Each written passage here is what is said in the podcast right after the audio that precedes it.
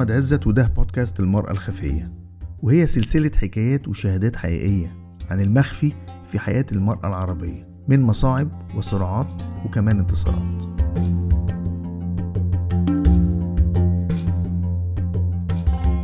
في الريف مفيش انفتاح جامد فلازم الواحدة لو طالعة تقولها رايحة فين وجاية منين فمفيش تفاهم عندنا يعني في الصعيد وكده. وعامة في الصعيد لازم الناس بتتكلم على بعض. طبعا فرق كبير في المدينة مجتمع متفتح. أنا اسمي هبة محمد ومن قرية هو وشغالة في كوفير في نجا حمادي وسني سبعة وعشرين سنة.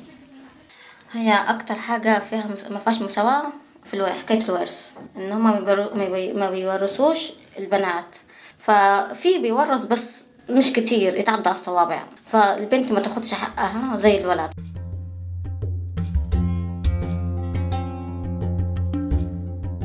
أمان يوسف حسب الله آه، أخصائية صحافة مدرسة الثانوية التجارية بنات بنجا حمادي آه، بالنسبة للتحديات اللي بتواجه المرأة الريفية أو الفتاة الريفية والمرأة الريفية آه، الاكتفاء بالتعليم المتوسط.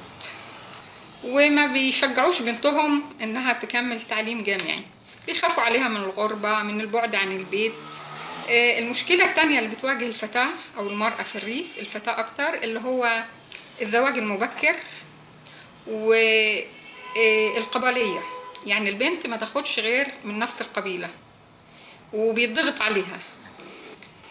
آه، هيمنة الرجل على المرأة إن ما تعملش غير من خلاله. التطور اللي حصل لها في العشرين سنة الأخيرة إن في نسبة كبيرة ابتدت آه، تتعلم تعليم جامعي بتشارك ابتدت برضو ليها دور واضح آه، في الحياة السياسية ابتدت تنزل انتخابات.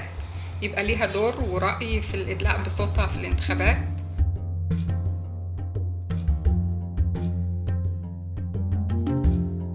أنا اسمي إنجي أحمد و... وعندي 18 سنة. وساكنة في قرية آه، النجمة آه، مركز أبو تشت. ودبلوم تجارة. بس أهلي مرضوش يدخلوني ثانوي عشان آه، مشكلة إن أنا مش هينفع أكمل وكده بس أنا لسه بعد التجارة هحاول معاهم إن أنا أكمل بس أنا عارفة إن هما مش هيرضوا. آه وطبعا في مجتمعنا الذكوري ان ال- الولد طبعا بي- بيفترج عن البنت.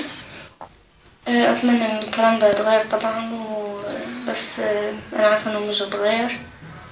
العقليات دي موجودة وهتفضل موجودة.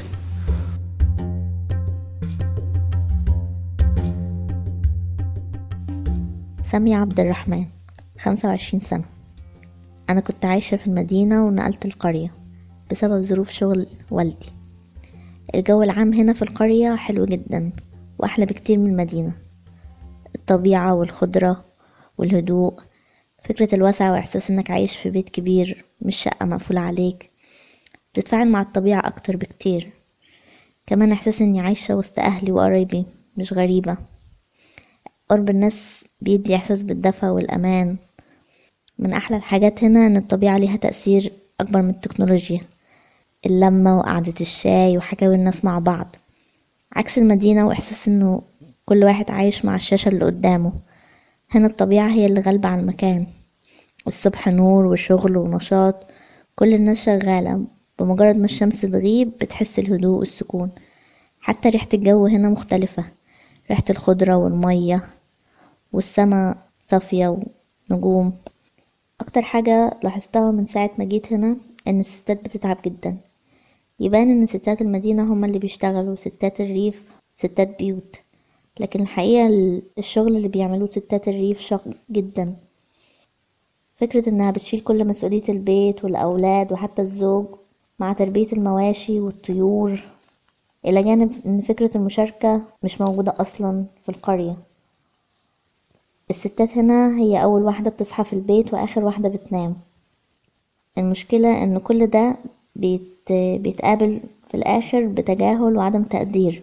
طبعا نظرية إن الراجل هو اللي بيشتغل وهو اللي بيصرف على البيت وهي ما, ما بتشتغلش ما بتعملش حاجة وقاعدة في البيت اليوم كله. مفيش فكرة إنك تطلع حتى تتمشى شوية وترجع. أبسط الحاجات إني لو عاوزة حاجة أشتريها ما ينفعش أنا أخرج أجيبها لازم حد تاني يجيبها لي. مفيش فرص للشغل.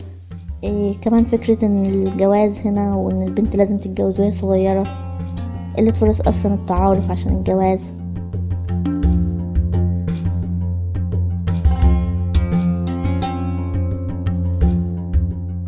الحلقة دي بدعم من مكتب هيئة الأمم المتحدة للمرأة للدول العربية. عشان تتابعوا معنا الحلقات بندعوكم تعملوا subscribe لينا على iTunes أو أبل بودكاست. دوروا على هاشتاج الخفية بالعربي وهتوصلكم الحلقة مجانا على الموبايل أو الكمبيوتر أول ما نرفعها.